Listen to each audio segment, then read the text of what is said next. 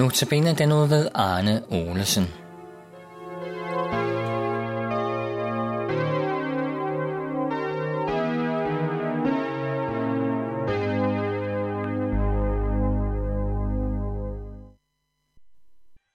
Velkommen til Notabene. Som vi var inde på det i går, så handler det om dit og mit forhold til Jesus.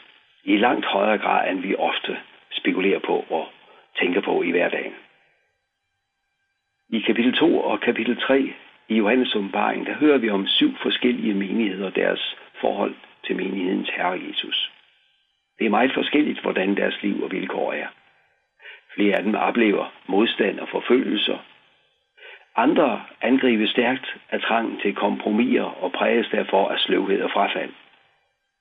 Det generelle er, at det alt sammen påvirker både den enkelte menighed og det enkelte menneskes forhold til Jesus. Sådan var livet dengang. Men disse kapitler er også en tidlig skildring af menigheden op igennem tiden. Derfor afspejles nutiden også her. Guds ord er nemlig det mest aktuelle og nutidige, vi kan beskæftige os med. Den første menighed, vi hører om, der skildres der, og det er Efesus menigheden, at de har flere positive elementer i menigheden. De roses både for deres møje og udholdenhed. De er udholdende, de arbejder. De har været trofaste. Men til synligheden har det hårde arbejde, både med aktiviteter og kampen mod det onde generelt, det har talt så meget fokus, at Jesus er glidet lidt i baggrunden. Han siger selv, men jeg har det imod dig, at du har svigtet din første kærlighed. Du læste der i kapitel 2, vers 4, Johannes åbenbaring. Jeg har det imod dig, at du har svigtet din første kærlighed.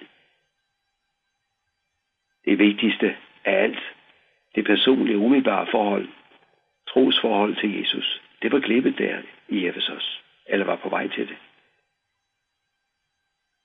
Hvordan kan det gå så galt, tænker vi? Og hvis vi oversætter det til vores tid, så, så tænker jeg jo, at når vi kommer i kirke og menighed og læser i Bibelen, beder dagligt, så må det dog kunne lade sig gøre at holde fokus på Jesus og holde fast ved ham. Ja, det tror jeg også, det kan. Men vores travlhed med alt det, vi skal gøre for Jesus, kan let få os til at glemme det vigtigste, nemlig det personlige forhold til Jesus.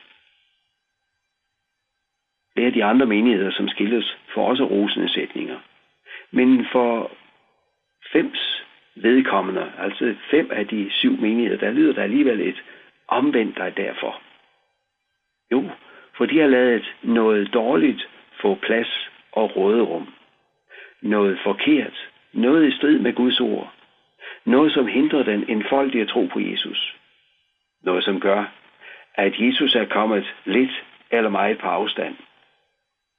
Der kan det se aldrig så fint ud, hvis Jesus er glædet i baggrunden, så er det hele tabt. Der er det kun et at gøre. Og det er Jesus selv her, der siger det. Men jeg har det imod dig, at du har svigtet din første kærlighed. Og så kommer det. Husk derfor på, hvorfra du er faldet, og omvend dig, og gør de gerninger, du først gjorde. At omvende sig er ikke at forsøge moralske og etiske forbedringer, men det er at vende sig til Jesus. Det vil sige at begynde med at regne alt det, han har gjort for dig. At regne med, at det er nok til frelse og evigt liv.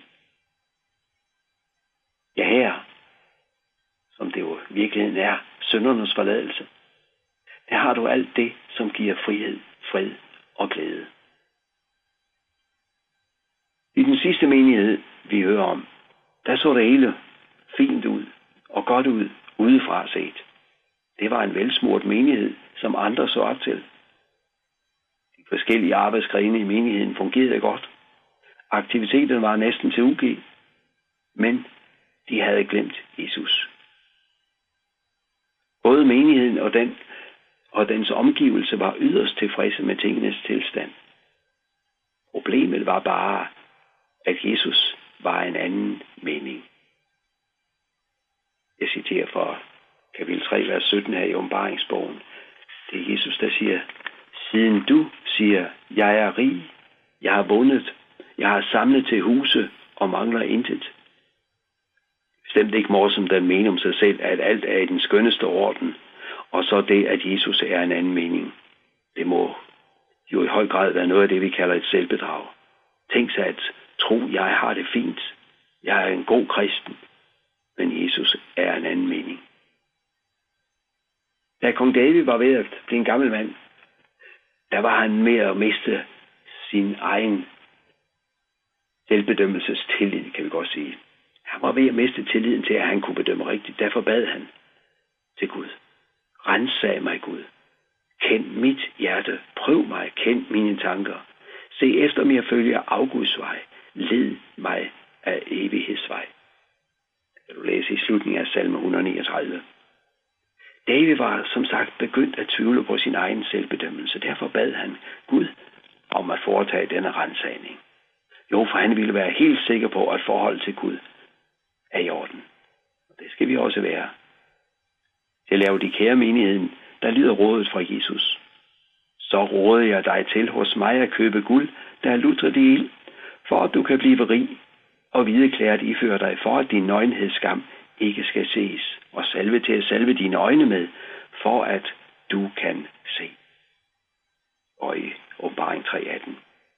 Med andre ord, du trænger til at blive fyldt med alt det, Jesus er og har gjort for os. Guldet, der er lutret i ild, er meget tænkeligt et billede på Guds rene og dyrbare nåde. Det er sådan, du bliver rig. Nemlig gennem Guds rene og dyrebare nåde.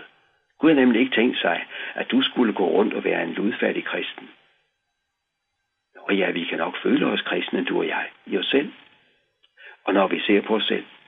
Men når vi vender troens blik og vores tanker mod det, Jesus er og har gjort for os, så er det, vi ser, at vi er blevet rige. Virkelig rige. Hvide klæder at iføre dig, står der videre. Et billede på Jesu retfærdighed. Når du får denne beklædning på, så bliver du så flot og fin, som et menneske overhovedet kan blive. Alt sammen skænkes det i troen på Jesus. Og det sidste, salve til at salve dine øjne med, for at du kan se. Det er et billede på Guds hellige ånd. Det er helligånden, der må vise dig, hvor stort dit behov for Jesus er. Og det er også ånden, der må vise dig, hvor meget du ejer i troen på Jesus. Du vil aldrig selv kunne tænke dig frem til evangeliet. Derfor må du bede Gud om at fylde dig med ånden. Gør dig seende. Så vil du se, at i Jesus ejer du alt. Er du fuldkommen, ren og retfærdig, himmelen værdig. Amen. Lad os bede. Tak, Jesus, fordi vi er himmelen værdige. Ikke i os selv, men i troen på dig iført og iklædt din hele og fulde retfærdighed. Herre, hjælp os dertil, at vi altid må være iklædt den. I Jesu navn. Amen.